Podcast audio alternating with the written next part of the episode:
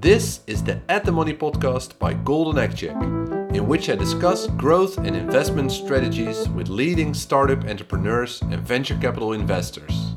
My name is Thomas Mensink. I've been involved in the Dutch startup and venture capital ecosystem for over 10 years, and today my guest is Christina Caljé, CEO of Autheos, a video intelligence platform.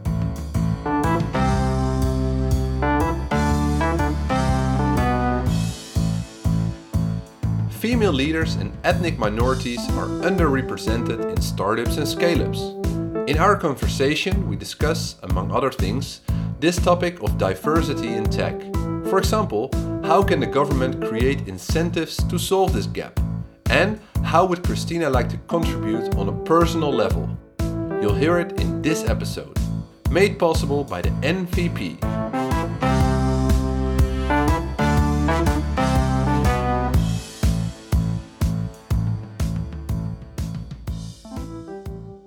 Um, so hi, my name is Christina Caljé. I am uh, an expat born and raised in New York City. I'm living in the Netherlands now for about six years, seven years. Mm-hmm. And um, since I've been in the Netherlands, I've uh, done a number of different things within the startup world. Um, COO of Peerby, CEO of and co-founder of Autheos. Uh, I've also been um, a startup mentor to the Rockstart Accelerator for a couple of their um, accelerator programs, web and mobile, and artificial intelligence. And uh, also an advisor to a couple of artificial intelligence oriented startups. So I'm excited to be here. yeah, I'm uh, very excited to uh, to have you as uh, as our guest. This is well, we decided to do this one in English because uh, you're uh, uh, well born and raised in in New York City, right? maybe yeah, yeah. to start off with that we are one week after the results of the election. Um, how how happy are you with the results?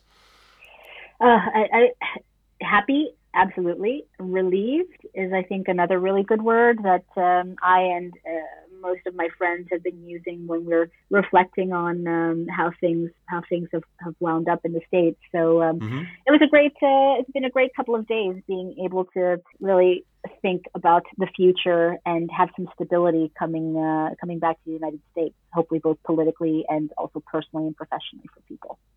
Yeah, yeah, I uh, I hope that too. I think it's uh, well for me. It, it, gave a bit of hope that uh, common sense still uh, trumps, right? In yeah. oh, nice fun on words.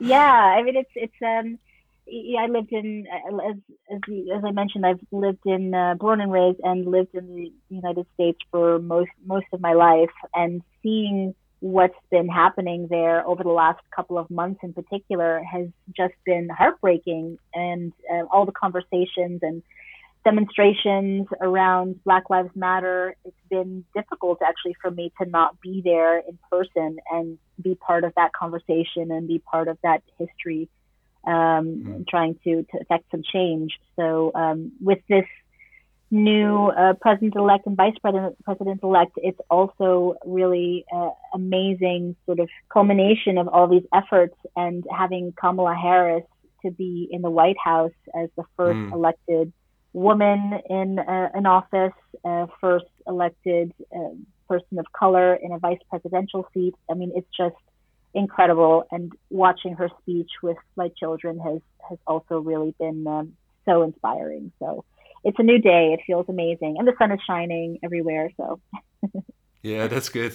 I think we'll uh, we'll discuss this uh, female leadership later on. I think because uh, I think what Kam- uh, Kamala Harris also said is uh, that she could serve as an example, right? For if if if you're uh, if people, if, if little children, uh, little girls are watching this, then they uh, can also be inspired that uh, they can become anything they want. And I think the same Absolutely. is maybe true for uh, for the startup world, where uh, we, I think we do miss a lot of examples still on female leadership, where a new generation of entrepreneurs can can be inspired by. Um, yeah. But maybe uh, before we dive into that, uh, can you maybe share a bit on why you joined uh, Autheos in? I think it was in 2016, right? What what were why why did you join, and what were the most important decisions that you made back then? Yeah, I mean, I think for, for me joining Autheos, um, that was such an exciting prospect uh, because it was joining as a co-founder to a business that had already existed and a product that had already existed, but there was a lot of ambition to take it to the next level and create a lot more value for um, the, the, the clients that were already using it. And there was a lot of autonomy to just to sculpt and shape the product in a way that I, I thought would really benefit the, the users that were already connected to our platform. So for me, it was you know the the mandate, a very broad mandate, uh, stepping into this leadership position, uh, having the ability to lead a team in a new direction, uh, and and building a product that uh, really was you know set, building upon a foundation that existed, but still was mm-hmm. expanding it and evolving it into something that I felt could be uh, much more impactful and um, uh, and having a, a real change making effect on um, the advertising and marketing industry. So uh, I think it was it was just uh, seeing something this sort of wide open field um, in terms of what we could achieve, and isn't that every entrepreneur's dream to have uh, you know such um, trust and confidence in in a vision that that I have, and, and to be able to have the freedom to execute upon it. Uh, so that was really yeah. exciting. And then I think in terms of the biggest decisions that um, that I made around that. Uh, so the, the, I think with every entrepreneur, no matter what stage you're in, you know, a huge part of it was first having conversations with the people that were using our product and trying to understand where the opportunities might be. And our product uh, started off as a, a, a, content management tool, basically using videos, having being a technology platform that allowed brands to put their videos on the product pages of e-commerce platforms where they were selling their their products. Mm-hmm. Um, and, and, so there was, you know, a lot of um, a lot of budget being spent on creating this video content, uh, budget being spent on facilitating, you know, the streaming of this content on the e-commerce platform sites but there was really no sense of how that content was performing, uh, with what audiences, what might be the return on investment. And so that's where I really, one of the areas that I really saw an opportunity is creating that feedback loop for, in particular, the brands that were trying to have these great experiences and ways to communicate with their consumers through video. Uh, but they really were doing it very blindly. And yeah, um, yeah. yeah, for me, that was something exciting to think about. Uh, like to be somewhat creative, but um, uh, using the data to to guide how some of those creative decisions are made uh, for me was was really a, a no brainer in terms of where to take the product in the next steps. Okay. Um, yeah, it sounds really interesting. I saw your website and it included a, a, video of Stef Stuntpiloot. And then uh, I, I, already mentioned you. Then you got me. I mean, Stef Stuntpiloot is uh, my favorite game from, uh, from when I was a kid. Oh. So you've had your career in finance, right? Worked for a number of large banks, then made your way into the startup scene. In terms of your approach of how to build this organization, Autheos, um, in in terms of I don't know customer validation, team building, tech and finance, did you have a certain approach for that already in mind when you joined the company, um, or did it more develop organically? Yeah, you know, I, I think that it it evolved over time, or it had to evolve over time. So there was already a team in place when I stepped in, and that team that was in place was sort of oriented towards the original product, which was a very practical tool, but it didn't have uh, any. There was no sort of usage of any of the data that was flowing through the platform, and that usage of the data and exploration of the data and building models uh, to understand relationships with how people watched videos and how they navigated the websites and whether they bought things or not. All of the understanding and exploration around that sort of information was a skill that we didn't have in the organization. So that was one area that we had to sort of build up uh, so that mm-hmm. we could figure out is there a product that we could build around this to to really be able to eventually um, adjust what content is shown based on the performance of, of videos in different contexts. Um, so, you know, as as we started to validate that part of the product using, which is using um, consumer navigation behavior, video interaction behavior, events behavior, uh, to decide how our technology would serve videos to the different consumer sessions. That that was uh, that was sort of a whole new research piece almost that needed to be built within the organization. And with that, we needed to bring on talent who would be able to execute on that. Once mm-hmm. that was done, we realized that that's something that we wanted to move forward with then it required you know different type of developer skill set that also had experience with implementing um, algorithms, uh, artificial or machine learning algorithms to be specific. Um, so that was a, a, new sort of development skill set that we had to add on. At some point, we shifted more towards the monetization side. So then you need a certain type of salesperson. So really, at different phases of, uh, of the product as it evolved, that also affected our team structure and our, our resourcing strategy. So um, it, yeah, I'd have to say it evolves, and I, I think that's um, something that should happen um, as your team grows or needs to shrink. Um, those sorts of strategic alignments with how the organization is structured really need to need to happen and need to be sort of re- re- revisited uh, with every milestone that you you reach as a product as a, and as a company. Yeah, and was there one one one pivotal moment for your company where everything went from let's say doing fine to growing super fast, or or was it really like an an, uh, an evolution? Yeah, I mean, it's it, I'd say it's been uh, up and down and up and down. so just like Stef Stuntpiloot. yeah, yeah, exactly. Um, so you know, there's phases where we shrank the team so that we would be able to, um, you know, keep the runway going for longer. And we shifted how the team, what the team structure looked like in terms of function. Um, and then when we had certain traction there and were able to sell certain aspects of the new product, then we were able to scale up again. And then at a certain point, um, it, it also made it easier to have a more uh, flexible and agile team structure. So mm-hmm. moving away from all these contracted team members to having some contracted team members and others that were more either outsourced capabilities, particularly on the development side. Um, having that also allowed us to more easily switch between these different technical skill sets. Mm-hmm. Um, so that was a, and that also allows you to you know, if you if you're not doing any product development, you can scale down the amount of budget that you allocate towards uh, towards your development resources if they're outsourced. So we've gone through the scaling up, scaling down, scaling up again, um, mm-hmm. and now moving to a more distributed uh, resourcing model that allows us to be much more flexible in how we um, allocate our, our functional resources. So it it also has evolved over time. yeah, yeah. Okay, and um, I was wondering because you grew up in New York City, did uh, any of that affect your uh, your work at Autheos or maybe in other startups? Uh, so your your personal backgrounds, do they help you to maybe perform better? You think? Absolutely. I I think growing up in New York, in particular, has just from an early age taught me so much. Uh, everything from you know the, the, diversity that exists in the world around me and around us. Uh, so in the East Village, especially back then, it was every sort of ethnicity, um, mm-hmm. different types of religions, uh, different socioeconomic statuses.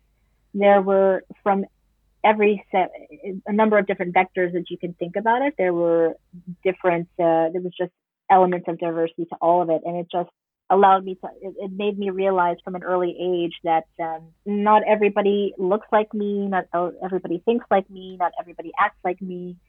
And it also allowed me, I think, to become a more adaptable person. So mm-hmm. comfortable in a number of different uh, environments and comfortable speaking and connecting with different types of people.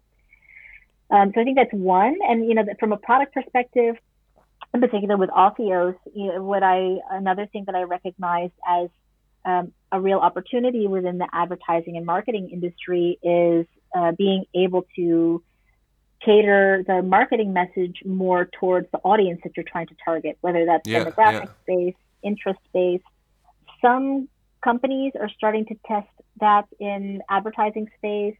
So on YouTube or Facebook, they will tailor the messaging and sometimes the visuals towards whatever audience cohort they're creating and what that that uh, audience looks like. Um, mm-hmm. But they're not. Once they do that and they drive the traffic to their websites, they're not actually keeping that.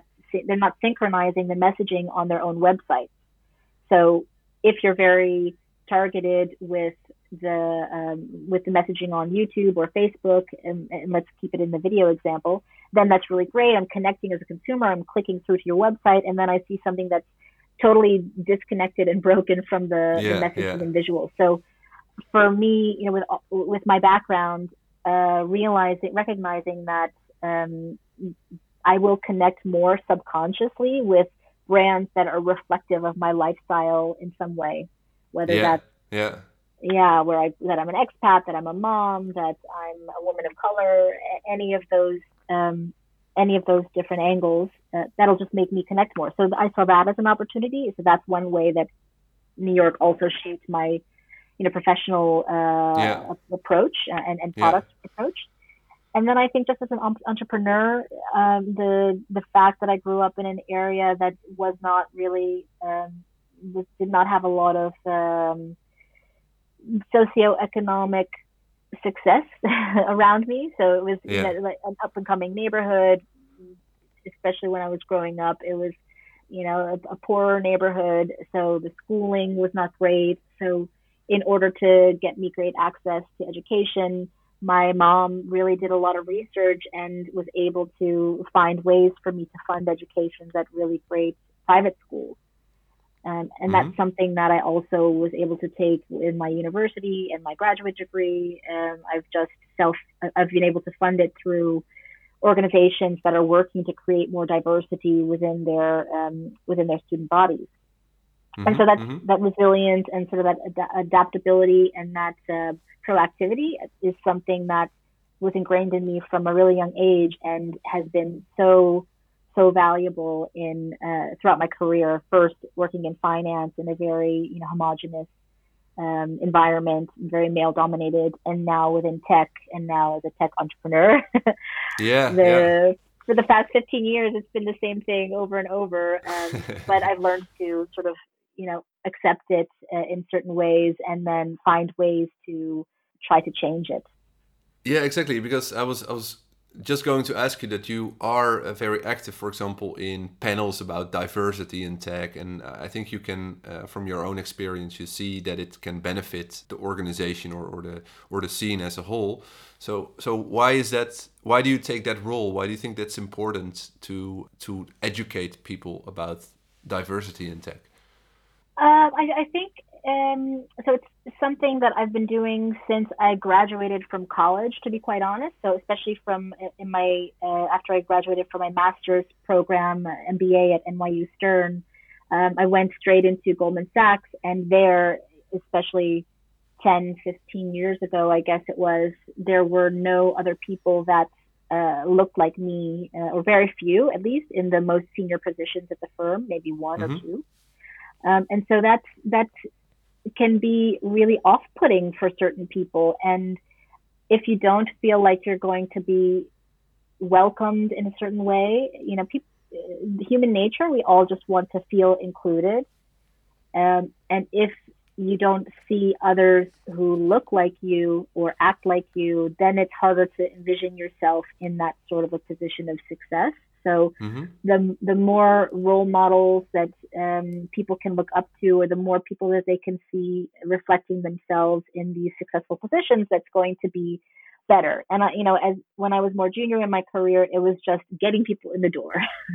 it, yeah, I wasn't yeah. at that point anybody to really look up to, except for the fact that I had landed a really coveted position at a top tier firm. But that's something that, as I, uh, I, I, I found intimidating when I was recruiting for those sorts of companies and those sorts of roles. But I think because of that resilience that I had built up at a young age and realizing at a very young age that I had to work for things in order to get them, mm-hmm. whether it's a, a, a, tuition fellowship or a, a merit based scholarship in order to go to this great school, I realized that it wasn't something that I could just sit back, unfortunately, sit back and relax and just, um, you know, be able to easily get that opportunity. So no, yeah, you have to work twice as hard as hard. You have to work twice as hard at least, and um, it's not a very nice feeling all the time, and it's not a nice feeling certainly if people try to discount why you're there or how you're there or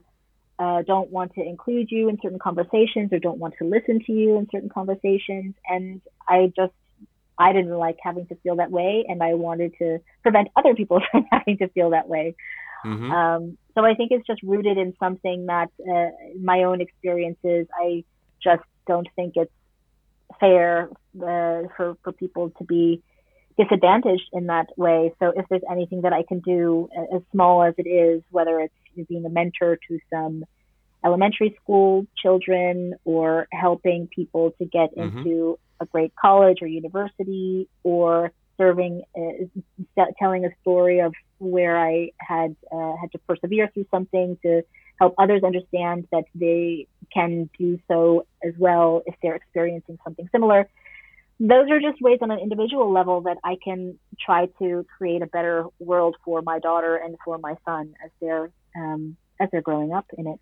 Yeah, yeah, I think very uh, very interesting. What are your observations then right now in let's say the the Dutch uh, tech ecosystem? I mean, uh, last or let's say last year, Fundright uh, uh, said that uh, only one and a half percent of funding goes to female-led companies, and this year it's not even it, it. Well, despite all the attention, yeah, and and efforts I think that have gone into that, the amount or the percentage have gone down to 1%. So what yeah. are your observations? I mean, are we moving in the right direction or what other measures uh, measures should we take to maybe improve this situation and be more inclusive as a uh, as a tech uh, ecosystem? Yeah, I have to say that was discouraging to hear those metrics come out, those comparative metrics year over year yeah. um, around um, investment for female entrepreneurs. Um, and it's not only I, in the Netherlands; think... it's it's probably everywhere. Right. In, well, in, in, not everywhere, but in many other uh, European countries. I mean, I think the Nordics are an, an exception, but uh, it's mm. it's uh, yeah, it, it isn't great anywhere actually. yeah, I mean, you know, it, trying to unpack that is is such is so complex, and I have these conversations all the time to understand because it's also something that I see with uh, within um, you know from an ethnic diversity perspective. So people of color, if you um, if you look at the Netherlands, the diversity of the population is really huge. I mean, you've got mm-hmm. Indonesians, Surinamese, Turkish, Moroccan, um, and and a lot of times it's sort of overlooked that there is this diversity in the population, and you definitely don't see uh, very much representation, in my opinion, reflective of the actual population in uh, leadership, specifically at tech startups and um, and the tech scale ups.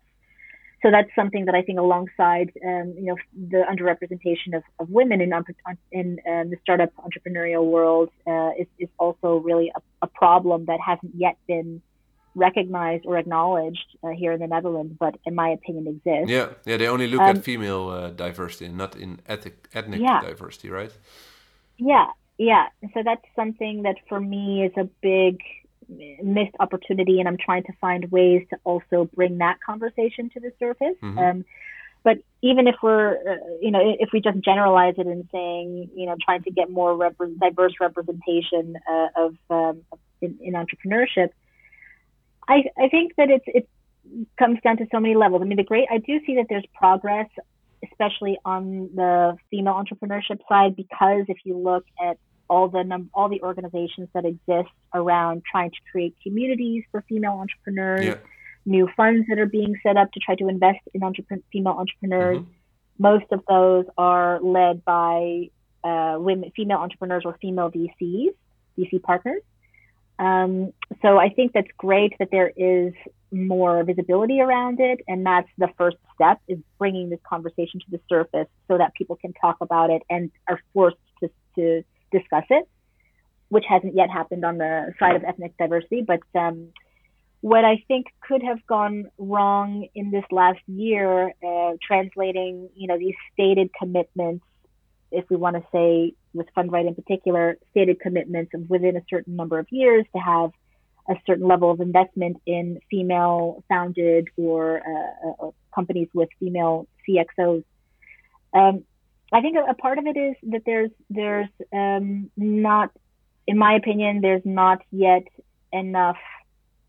Um, feel the, that the VCs don't all feel the pain mm-hmm, necessarily mm-hmm. enough.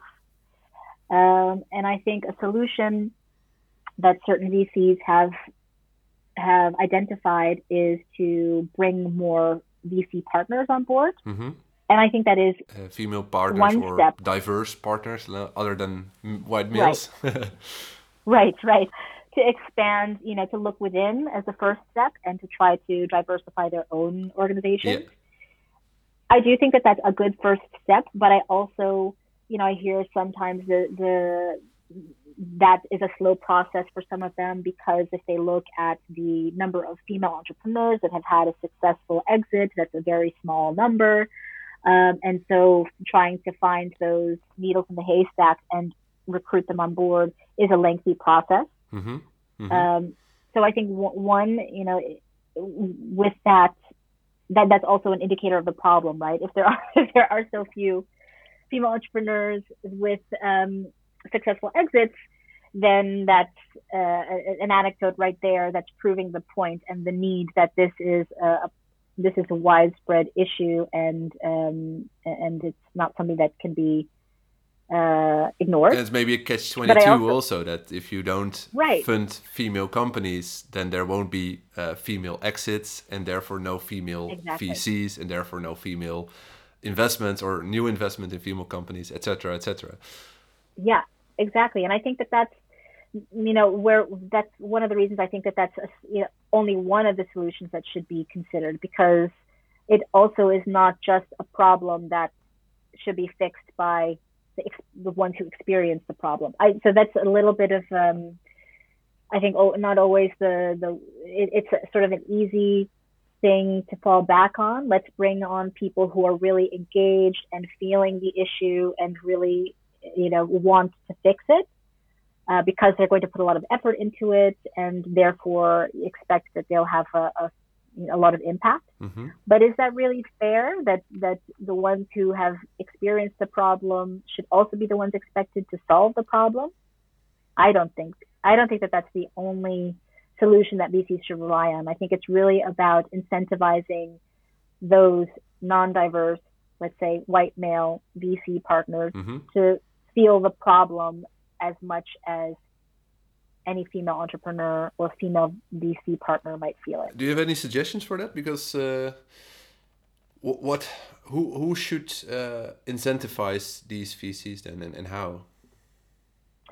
That's also I think there's different ways that to ha- to speak in the same language as a VC. So I you know there's a whole there's there's a moral angle that you can look at. It's the right thing to do to try to erase some of these issues and challenges that female entrepreneurs or people of color uh, um, have faced as trying to be entrepreneurs.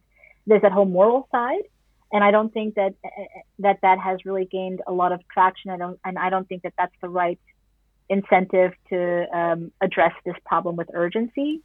I do think that since VCs uh, are you know, their their goal is to create great returns for their investors. Um, I think that there should be some more support from a governmental level to create economic incentives. Mm-hmm, mm-hmm. So, for instance, in um, in Europe and and, I, and even in the Netherlands, there are certain matching programs where a VC investment is matched with a government investment. I think of equal size, um, so a one for one. So, what about uh, trying to do something similar, but giving a slight edge to female uh, run female entrepreneurs or people of color entrepreneurs to any of those startups have them uh, have the match by the government be 1.5x instead of 1x or 1.25x yeah, instead yeah. of 1x. So let's say a seed so capital a, uh, program or how do you call it seed capital arrangement or something, but then yes. seed capital diversity program. yeah. Something like that. Yeah. Yeah. yeah. yeah. E economic uh, incentive is probably the most effective, I think. I think that that will be will will, will make it easier to you know to create a it'll it'll make it uh, one it'll tip the scales, let's say, a bit more in favor uh, on the economic side to invest yeah. in these female-run or, or uh, ethnic diversity-run um, companies, and uh, it'll decrease the risk for those VCs, which is a great thing for them. So I think that's one way. So with those matching programs, slightly incentivizing them higher for these underrepresented entrepreneurial groups. Yeah. Uh, another way, I think in in the UK, they've offered certain tax incentives uh, for investing in startups. So it could be again some tax incentives that are slightly more uh, favorable if you invest in an underrepresented minority entrepreneur. Mm-hmm, mm-hmm. So these things we're we're speaking the same language because I also understand that a VC has their own stakeholders to make happy. They're here to make money. So um, every startup has a huge amount of risk. What did they say? 99% of startups will fail. So if there's a way to create a better economic incentive that lowers the risk for those VCs, I think that that's going to be a way for um, these startups to get a better look, the, the female and, and minority-run startups. Yeah, uh, from an from an entrepreneurial perspective, if let's say if you want to raise a new funding round for Autheos or maybe for another company that you start later on, I don't know, how will you assess investors? So what, what what's your uh, how, how yeah. will you look into that? Yeah, so I get this asked this question a lot actually, and so I've you know I've been through this invest the fundraising process with Peerby. I've been through the fundraising process with Autheos. I've been on the other side of it as an investor in uh, in, in, certain um, startups that I've invested in as an angel. Um, and so I, I, think the first, the most important thing to focus on, uh, if well, okay, so I'll take a step back you don't always you don't only need to fund your startup with uh, an angel or VC money. I think that's the first consideration for a founder, especially if they're in the earlier stages. There's other different instruments you can think of. Uh, there's loans that you can get. There's a couple of couple of banks that are very startup friendly. Silicon Valley Bank, ABN AMRO. There are cer- certain terms that um, can be a little bit more favorable for uh, for launching your your businesses and are there more experienced in dealing with startups. Mm-hmm. There's also grants that you can apply for, especially those that are more socially impactful. The European government, in particular, has set up uh, different programs that um, are basically you apply and you can get equity free capital, which is always great. Mm-hmm. Um, and if you do decide to go for another option is crowdfunding, and there's a couple of these. This was quite in favor a couple of years ago. At Peerby, we did it very successfully. We raised two million euros, over two million euros through the crowdfunding campaign. Mm-hmm. And those are not, you know, those aren't always so easy. So there's different levels of. I mean, you know, as a we had a very very strong community that we could tap mm-hmm, mm-hmm. into mm-hmm. and a good track record so that allowed us to be able to to be so successful but there are also crowdfunding platforms that are oriented towards the very early stage companies. And then obviously, if you're looking to try to do some sort of angel invest, uh, get an angel investor or a VC investor, a big part of it is the cultural fit. Mm-hmm. So, of course, every I think angels in general, they um, they're pretty entrepreneurial uh, themselves. Like in most cases, they've had started their own business, launched their own business, been successful, and they know the ups and downs and the challenges of, uh, especially in the early stages of investing. So, you know, they, they're in most cases going to be pretty aligned with a, a founder. Um, on the VC side of things, I think it's really important also to do your own investigations and do your diligence by talking to the portfolio companies that they've invested in um, looking at their own investment philosophy, and seeing what other what sort of specialties they have in terms of industry, uh, getting a sense of what their network is and what they could offer you besides just the capital, because it is going to be a long-term relationship, and um, you want a VC that's going to be just as supportive of you in the bad times as the good times. Mm-hmm. Yeah and that's not always easy to figure out what those what the reactions will be like in those um, in those stages when you're still getting to know each other and they if, if you're um, if, if you have a lot of options in terms of investors um, they you know will be on their best behavior let's say so mm-hmm. um, so I think it's really important the cultural fit uh, to find out how they invest in what forms they invest in terms of instruments what are the normal terms um, and do and, and talk to other founders and understand what you might want to avoid in terms of certain clauses. Do you want to do a direct share investment? Do you want to have it be a convertible note? Within the convertible note, what are the terms around what happens in maturity? So there's a lot of questions, and in my opinion, it's it's really empowering to educate yourself on uh, all the different options that you have, yeah, and the best people to talk to about that are other founders who've been through it. Exactly. Yeah. And you, you said uh, that you're also an angel investor or have, have done some angel deals yourself. What type of companies yeah, do you like? Uh, are you interested in? Well, I um, it, it's usually going to be some combination of the personal connection. Uh, so, what do I think of of the, the founder? What's our relationship like? Um, what sort of confidence level do I have in them and their decision making abilities?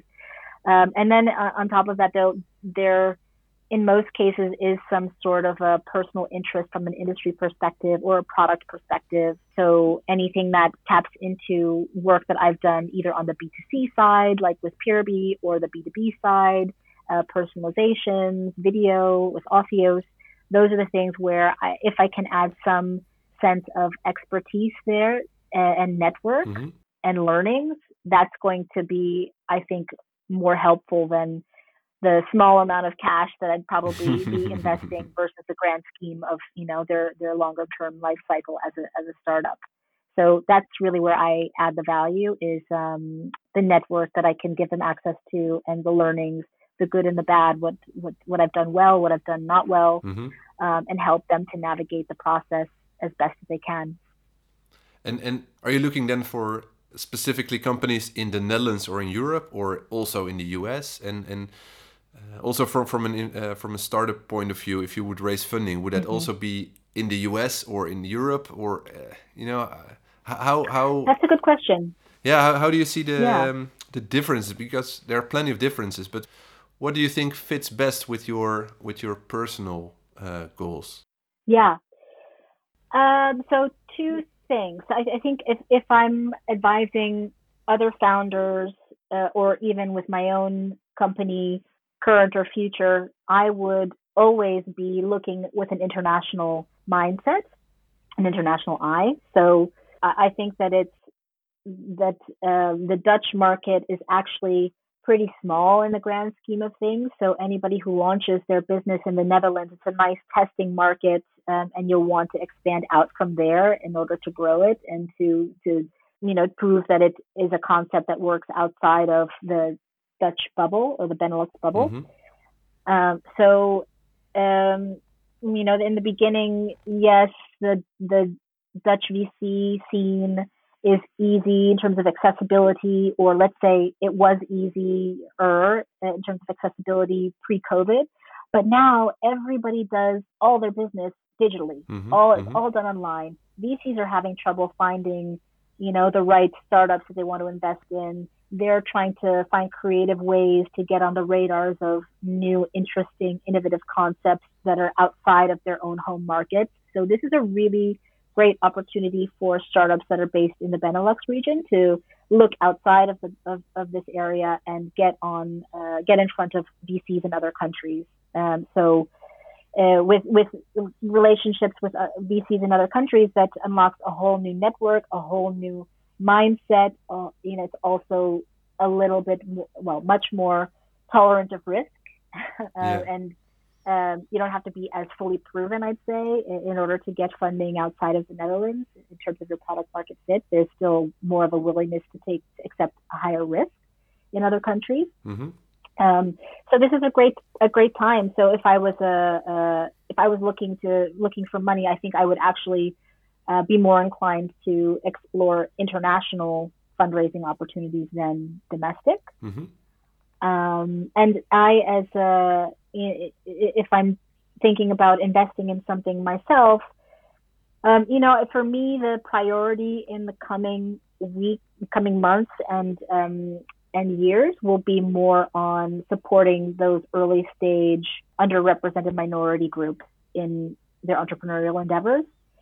And I think that there's a lot of great opportunities to do so in partnering with the big international VCs as a sort of a scout. Mm-hmm, mm-hmm. Um, so those are those are things that uh, now there's a lot more openness and there and funds are being much more proactive about trying to source different types of uh, uh, of you know well you could say startup scouts to um, to try to get them deal flow that they wouldn't necessarily previously have ac- have had access to. So to me, that's a really exciting prospect, um, especially being in the, the, the Dutch market, and I have some connections also in the UK um, for really cool, ambitious propositions that just need to get in front of the right network of people. Mm, cool. So so maybe you personally can help the Fundright uh, targets to uh, to increase right. from one percent to uh, to maybe even ten percent.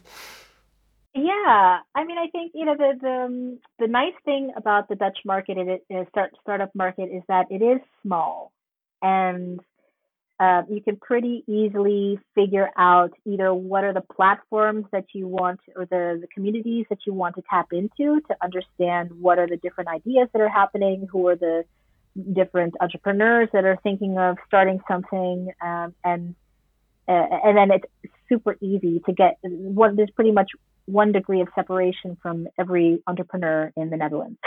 yeah. um, so so that's really you know the, I think it's um, as a an entrepreneur myself who's been through challenges with with Peerby, with Autheos, with personal and professional um, situations. You know, there's there's a lot of things that I can connect with with um, with other entrepreneurs that are starting something from scratch, and a lot of empathy that I can share with them and understanding of what they're going through. And I think that that trust that you build in in having that empathy um, and building that confidence in the relationships is really a great way to um, to develop those those relationships um, and uh, and and try to get them in front of the right people yeah, to get that yeah. number up to 10%. Yeah. Awesome. So it's exciting.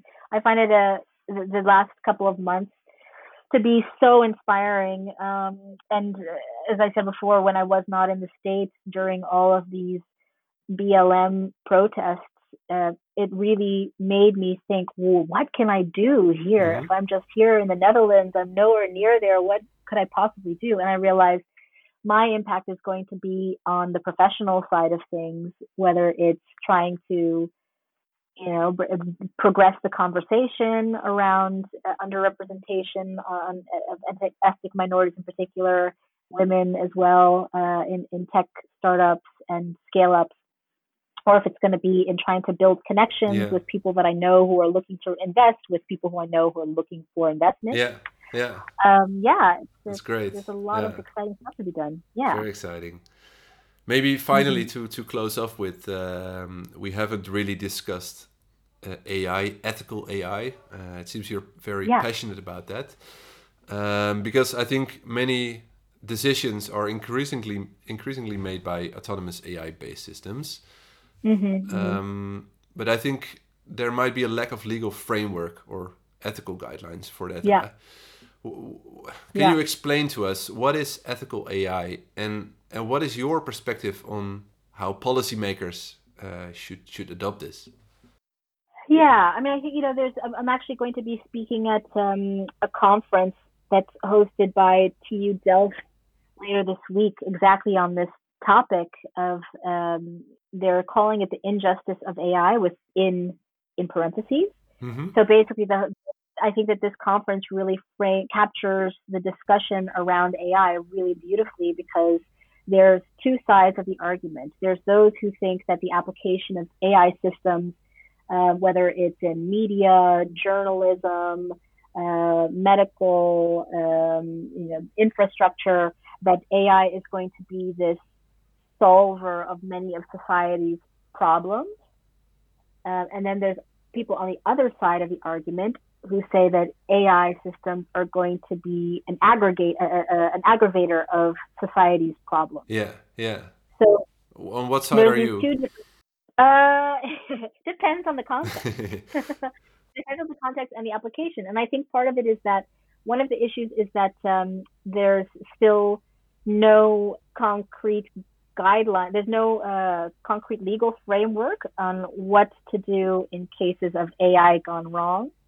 So, you know, some examples that I can bring to light are, you know, Tesla, Tesla with its autonomous vehicles. Uh, last year, they had quite a few PR disasters where um, the autonomous vehicles left to their own devices were getting into car crashes and killing people, whether it was uh, an object, you know, a person crossing the street or a person in the car mm-hmm. who ends up uh, unfortunately getting uh, slamming into a, a truck or something. In those cases, who's at fault? Is it the driver behind the wheel who shouldn't have had his hands on the wheel, or is it the Tesla is it Tesla yeah. software? Is it um, the individual who was crossing the street at a, a, moment when they shouldn't have been crossing the street? So there's no um, no legal framework with how to treat cases like that. Also, if you think of in the context of the U.S. elections as an example, um, all of the, um, the, all of the attempts to misinform people, conspiracy theories, uh, pushing um, you know content that is deemed to be reputable, but in fact is not a reputable news source, but the people who are reading it don't realize that. So there's no sort of spec, there's no there's no way for I as a reader to be able to distinguish between a news organization that's writing a story and has done a lot of research and there's you know a certain amount of um, investigative investigative journalism that that allows them to be confident that what they're what they're writing about is a true perspective.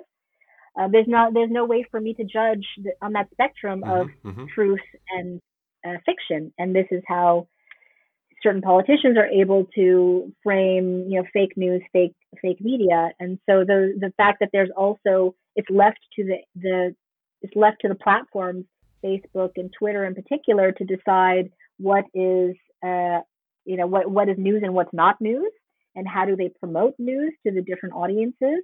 The fact that there are no clear guidelines that they should put in place to figure out how those algorithms will serve content that's another example of um, the the fact that there's no yeah, the lack yeah. of regulation, lack of framework can create problems for society. Um, and then if you think of uh, with Autheos, we use machine learning to decide what video to show to a person, and that video that we show could be uh, the decision could be based on performance.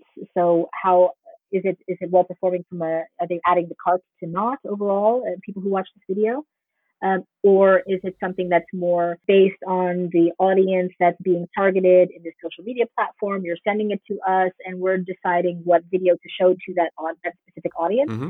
If something wrong there, and our algorithms are not are delivering something that's offensive to a group or or, or pisses somebody off, uh, the reputational risk uh, and damage to either the individual or the company, Autheos or the brand client, is not super high. It's yeah, not exactly. It's different, yeah. And it, yeah, and if you think about how the decision making on, for instance, a med tech company trying to diagnose skin cancer or heart conditions, AI gone wrong there has very different implications, life threatening, um, life changing. So there's also the spectrum of risk in terms of how you, you how you apply AI and what the purpose is of your AI. And so that's why yeah. it makes it a difficult conversation to, to be sit on one side or the other. Um, so part of what what uh, I'm in the conversation around and, and what I'm trying to um, promote in in all of my discussions around this topic is that there should be some sort of an iterative an iterative approach and a different approach to lawmaking and creating of these regulatory frameworks because this is still such a nascent technology and there still is so much unknown yeah, about yeah. how uh, AI systems make decisions. Um, and are, are you optimistic? So, uh, are you optimistic about the future? In that sense? I am in that in, in the sense that this is this is a topic of conversation amongst the people who are policymakers. Yeah. So the conference I'm going to be on, the Council of Europe will be there, uh, also speaking on this topic.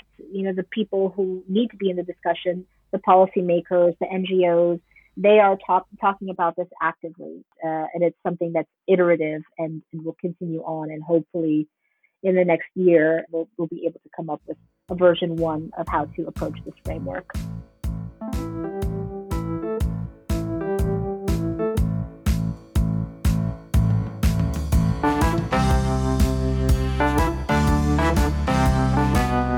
Thanks for listening to this episode of the At the Money podcast by Golden Egg Check. Are you looking for an investor? Then please join Startup Roulette, our online curated speed date event for startups and venture capital investors. Apply via startuproulette.nl.